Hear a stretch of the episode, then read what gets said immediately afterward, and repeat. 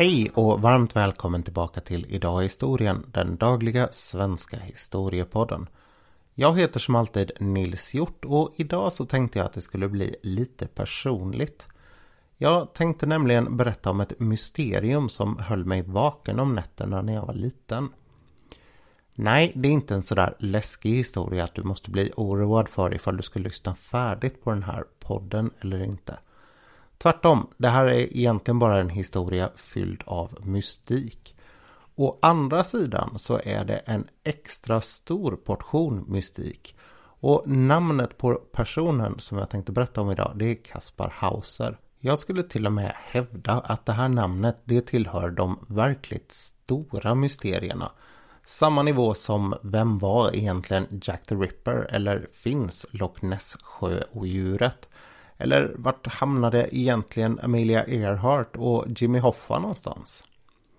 Det här är ett mysterium som folk fortfarande gräver i, fortfarande diskuterar, trots att det är nästan 200 år sedan. Så även om du möter namnet Kaspar Hauser för första gången idag eller om du möter det för hundrade gången och precis som jag läste om det någon gång sådär för första gången i 10-12 års åldern och sen låg vaken och funderade över det så hoppas jag att du kommer gilla dagens podd. Vi börjar den 26 maj 1828 i staden Nürnberg i Tyskland. Det dök den här dagen upp en märklig tonåring på stadens gator. Enligt vissa så hade han svårt att gå, enligt andra så var det inget större bekymmer alls. Men vad alla är väldigt, väldigt överens om det var att han hade svårt att uttrycka sig. Till sin hjälp så hade han fått med sig två lappar. Den första den var adresserad till en kavalleriofficer i stan. Och där stod det en kort beskrivning om vem pojken var, eller snarare var han hade kommit ifrån. Det var en man som inte nämnde vad han hette. Som menar att han hade fått Kaspar 1812 på hösten. Och att han hade låtit honom växa upp sen, tränat honom att läsa och skriva i den kristna läran och dessutom att gå och sådär. Men han hade aldrig någonsin fått gå utanför huset. Den andra lappen, den var betydligt äldre. Det var en lapp som hade kommit med Kaspar när han kom hem till den här personen som hade haft hand om honom. Och den var från hans mor hon berättade där att pappan, han var en kavalleriofficer som numera var död. Och sammantaget så visste man inte riktigt i stan vad man skulle göra med den här informationen. Man bestämde sig därför för att ta honom till den här kavalleriofficeren som omnämndes. Och när de kom dit så hade han ingen större aning heller om vad man borde göra. Det märkliga det var att den här unge mannen han upprepade bara samma fraser. Han sa saker som jag vill bli kavallerist som min far. Och egentligen förutom det bara korta nonsens saker. På väldigt mycket så svarade han att han inte visste. Den första slutsatsen man drog här det var väl vad man i många fall skulle göra idag också. Att det här var någon psykiskt instabil eller psykiskt funktionsnedsatt person som behövde hjälp. Så man tog undan honom i väntan på att lista ut vad man skulle göra så att han inte skadade sig själv eller någon annan. Ganska fort så förstod man här att Kaspar han var väldigt mycket mer begåvad än vad det verkade. Sakta men säkert så började han prata ordentligt. Han började skriva mer och han började berätta sin historia. Den här historien den var besynnerlig för att säga det minsta. Han berättade att så länge han kunde minnas så hade han legat i ett mörkt litet rum. Det här rummet det var ungefär två meter långt, drygt en meter brett och ungefär en och en halv meter högt. Det fanns två stycken fönster men de var alltid igensatta med fönsterluckor. Och där inne så sov han på en höbädd. Det enda som fanns i hela rummet förutom det här höet det var två stycken trähästar och en trähund och de brukade han leka med på dagarna. Den enda maten han fick det var vatten och bröd. Och med jämna mellanrum så smakade vattnet och brödet lite konstigt. De dagarna de brukade han sova extra djupt och sen vaknade han upp så var håret och naglarna och sådär klippta. Höet som han sov på, det var bytt. Ganska kort efter att han hamnade i Nynberg så hade han fått hjälp av en man i det här huset att lära sig att gå och att lära sig att skriva. Egentligen återigen då bara sådana här korta och ganska meningslösa saker. Och nu ville han alltså enligt det här brevet bli ryttare. Eller? Det verkar faktiskt inte som att han ville det. Staden den bestämde att det bästa man kunde göra det var att utbilda honom och Kaspar han verkar ha hakat på det här ganska väl. Han placerades hos en rektor som hette Friedrich Staumer och den här mannen han började att träna honom i olika saker som att läsa och skriva. Men han upptäckte väldigt fort att Kaspar var en fantastisk tecknare. Det finns bilder kvar som han har tecknat så titta på dem. Det är faktiskt ganska imponerande även om det kanske inte är något superexceptionellt. Hur det än var med det så bodde han hemma hos den här Daumer men situationen den blev mer och mer ansträngd. I oktober 1829, alltså ungefär ett och ett halvt år efter att han hade kommit till Nürnberg, så anfölls han i hemmet av en man med luva och kniv. Han hotade honom och förklarade att han skulle dö och sen skar han honom i pannan. Det här upptäcktes efter att eh, Kaspar hade missat middagen. Och man bestämde i det här läget att man behövde flytta Kaspar någonstans där det var säkrare för honom. Han skulle istället för att bo kvar hos Friedrich Daumer flytta hem till en man som hette Johann Biberbach. Men det var som sagt inte helt utan friktion. Daumer han hade nämligen gjort en massa experiment på Kaspar Hauser. Han hade provat olika saker som ifall han kunde upptäcka animal magnetism och sådana här saker. Det fanns en stor strömning i världen med sån här mystik vid den här tiden. Och de påstod då, han och en annan man, att Kaspar Hauser han var ett väldigt bra exemplar på en person som hade såna här spirituella krafter. Samtidigt så hade Daumer upptäckt att Kaspar han ljög en hel del. Och de hade haft ett väldigt stort bråk om att han ljög så pass mycket precis innan den här olyckan hände. I huset hemma hos Biberbach så blir det på ett liknande sätt spänt. Och ungefär ett år senare så har de haft ett stort bråk där också. Då går ett pistolskott av inne hos Kaspar Hauser. Det visar sig att det har varit en olycka. Han har klättrat på en hylla för att plocka ner någonting och så har han råkat slå ner en pistol som hängde på väggen. Den har gått av och kulan den har bara strykt honom på huvudet. Men såret det ser lite sådär misstänkt ut ifall liksom det inte var riktigt gjort av en kula. Och när tvivlarna nu börjar tvivla lite mer öppet så börjar man diskutera det märkliga i de här två breven han hade med sig när han upptäcktes. De var ju båda två skrivna i samma handstil. Det var ju väldigt konstigt och samtidigt så stod det i det första brevet det här som skulle varit skrivet av den som lärde honom läsa och skriva att han hade lärt pojken att skriva exakt så som han själv gjorde. Vilket då skulle vara något slags eh, ursäkt för att skrivstilen var likadan som den som Kaspar alltid själv hade. Det är ju inte särskilt svårt att veta att personer som lär sig att skriva av någon, den lär sig inte att skriva på samma sätt. Utan man har ju en personlig skrivstil kvar. Så de där breven, de började ifrågasättas lite sådär i tysthet. Samtidigt så är det också dags att titta på de lite mer vildsinta och romantiska ryktena om vem Kaspar Hauser var. Det här är ju mitt under den tyska romantiken och det fanns ju en viss förkärlek för sådana här märkliga historier. Det fanns de som drömde om att Kaspar Hauser var en så kallad vargpojke. Någon som hade försvunnit eller tagits av vargar när han var barn och sen uppfostrats av dem i skogen. Det fanns de som landade helt i andra änden av skalan. De menade att storhertigen Karl av Baden, han och hans fru, eller kanske bara frun, hade sett till att få undan ett av sina barn som föddes 1812 och sen så hade man begravt en annan död bebis istället. Och att det här barnet då skulle vara Kaspar Hauser som hade hållits instängd och som nu på något sätt hade blivit fri. Det fanns också idéer om att han var från flera andra länder och hade försvunnit på ett liknande sätt. 1831 så dyker det också upp en man som heter Lord Stanhope, en engelsman i den här historien. Han lyckas adoptera Kaspar och han börjar söka efter sanningen. Han vill gå till botten med det här. Bland annat så reser de båda till Ungern. Jag tror faktiskt det är två gånger till och med.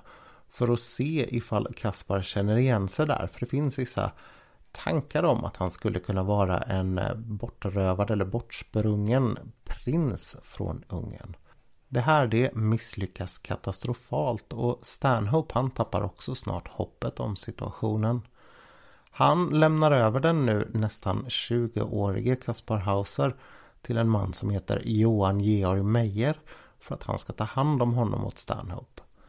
Det har varit en väldigt god utveckling som sagt på Kaspar Hauser under de här tre åren som han har varit i Nynbergs Nürnbergs och olika andra personers eh, omsorg. Eh, och han börjar i Ansbach där den här Meyer bor att jobba som ett slags eh, tjänsteman vid rätten där. Han har en beskyddare där som heter von Feuerbach och de trivs ganska bra ihop verkar det som än så länge. Men det kommer börja knaka i både den relationen och den till Meyer också. Det är som vanligt de här lögnerna som kommer emellan. Von Feuerbach han dör ganska snart och det där tar tydligen Kaspar Hauser ganska hårt. Kaspar han går nu runt och drömmer om att han ska komma någonstans större i livet än den här lilla rättssalen där han är. Det som han sätter sitt stora hopp till det är att Stanhope ska komma tillbaka och han lovar att komma tillbaka till julen 1833. Förhoppningen den är såklart att han ska ta med Kaspar Hauser tillbaka till England och ett lite finare liv än det som han lever här i Bayern. Meyer, han är väldigt förundrad och tror faktiskt inte att det här kommer hända. Han ser inga som helst tecken på att så är på väg att ske. Den 14 december 1833 så dyker helt plötsligt Kaspar Hauser upp inne hos Meyer och han är väldigt upprörd. Han håller sig för sidan och säger att du måste följa med ut. De går ut och Kaspar han kan inte säga särskilt mycket. Han rör sig ganska dåligt och det blir helt plötsligt uppenbart att han är knivskuren. Han tar med sig Meyer ungefär 500 meter bort från huset och visar en plats där han berättar att han har attackerats av en man. Det är återigen en ganska märklig historia. Den här mannen han ska genom trädgårdsmästaren ha ordnat så att de kunde träffas. Och direkt när de möts så ger han Kasper en liten påse. Och därefter hugger han honom och sticker. Han ser inte ansiktet på den här personen om jag förstår det hela rätt. Och Kaspar han är väldigt enkät om att man ska hitta den här lilla påsen som har försvunnit i tumultet. Kaspar han tas in för vård och man hittar påsen. I påsen så finns det en liten lapp eller ett brev som är skrivet med spegelskrift. Där står det återigen ett ganska kryptiskt meddelande som går ut på att man ska kunna försöka lista ut vem den här mannen är som har lämnat över lappen. Han lämnar sina initialer och säger att Kaspar kommer kunna säga vem han var. Men Kaspar dör några dagar senare. Det här det ställer till en hel del. Därför att helt plötsligt så har man en mystisk man som man absolut inte vet vem han är och som man inte ens vet hur han har dött. Och ungefär där hade den här historien kunnat ta slut om den inte hade blivit så ohyggligt känd. Redan på sin tid så blev det här ett väldigt stort mysterium. Det var ju därför Lord Stanhope till exempel kom dit. Idag, till skillnad när jag läste det här som 10-12-åring, så är det ganska lätt att hitta väldigt mycket information väldigt fort och från väldigt många olika håll. Det är inte längre så att man sitter i knät på den författare som vill tjäna lite pengar på att skriva en spännande bok. Och börjar man gräva i detaljerna här så blir det ganska uppenbart att Kaspar Hauser var inte särskilt omtyckt. Förutom de här personerna som jag redan har nämnt som började tvivla en hel del på vem han egentligen var så skrev Lord Stanhope i eh, en bok kort efter att eh, Kaspar hade dött att det var dags för honom att erkänna att han hade blivit lurad. Den här von Feuerbach som han eh, jobbade ihop med i den här rättegångssalen han menade också att det var en vidrig lögnare han hade haft att göra med. Och Meyer han var inte så mycket gladare i honom. Dessutom så hade ett lite läskigt mönster börjat utkristallisera sig här. Varje gång som Kaspar Hauser var på väg ur rampljuset och hade någon form av bråk med den personen som hade hand om honom så blev han attackerad av någon märklig person eller råkade ut för en konstig olycka. De här knivskärningarna och pistolskotten och sådana här saker. Och det var väldigt många som frågade sig om inte också det här sista dödande knivhugget var någonting han hade gjort mot sig själv. Naturligtvis så har det här undersökts. Det har undersökts genom alla tider och med alla tillgängliga metoder. Nästan. Man har kommit fram till att det här knivhugget mycket väl kan ha varit någonting han tillfogade sig själv. Däremot så är det svårt att se om han skulle göra det för att det var självmord eller om det var för att få en lättare skada som skulle väcka lite uppmärksamhet. De här båda lapparna han hade med sig, det ser man också som en total bluff idag. Och om man dessutom pratar med moderna psykiatrer eller personer som på andra sätt jobbar med hjärnans utveckling så säger de att det är totalt humbug att en människa kan växa upp under de förhållanden som Kaspar Hauser påstod sig ha gjort och sen uppnå den grad av eh, ja, skriv och språkkunnighet som han hade. Det är sådana saker som måste stimuleras mycket och tidigt för att man ska kunna bli normal i sin förmåga tyvärr någonting som har visat sig alltför ofta med misskötta barn och kidnappade barn. Dessutom, när man tittar på den här sista händelsen när han dog, så fanns det bara ett par fotspår. Det fanns ingen annan människa som hade varit där vad man kunde se. Och det var snö, så det borde man ju kunna se ganska enkelt. Dessutom så tyckte väldigt många att det var konstigt att han var så noggrann med att påsen skulle hittas. Men han var inte särskilt intresserad av vad den innehöll. Och brevet som låg i den det var ju ihopvikt på precis samma sätt som Meyers fru sa att Kaspar Hauser brukade vika ihop sina brev på. Var det bara slump? Så vad vet vi då egentligen om Kaspar Hauser idag? Egentligen inte så mycket mer än vad man gjorde för nästan 200 år sedan. Vi vet att han inte var en prins. Vi vet att han inte hade vuxit upp i ett litet, litet rum. Men det gör inte att vi vet mer om vem han faktiskt var. Det enda vi kan säga, eller i alla fall jag tycker att vi kan säga, det är att det var någon form av bluffmakare som lyckades lura en hel del personer. Men varje gång som han blev boende hemma hos någon och kom nära den så lyckades han att skada relationen genom en massa småljugande på ett sätt som gjorde att folk fullständigt tappade förtroendet för honom. Dessutom så är jag tämligen övertygad om att det här sättet han dog på var både ett klumpigt och oerhört misslyckat sätt att försöka skapa lite mer spänning och mystik kring honom i en tid när saker och ting inte riktigt verkade gå hans väg. Och det lämnar väl egentligen bara kvar bilden av en ganska misslyckad skojare. En eh, person som det kanske egentligen inte var värt att förlora sådär mycket sömn över. Men som man ändå får vara ganska tacksam för att han väckte någon form av sådär nyfikenhet. Särskilt på det förflutna i en. En nyfikenhet som idag är inriktad på helt andra problem. Men som definitivt fortfarande har förmåga att hålla en vaken på nätterna. Nog om mig och nog om Kaspar.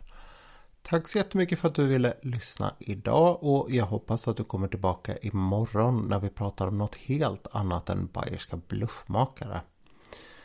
På återseende och adjö.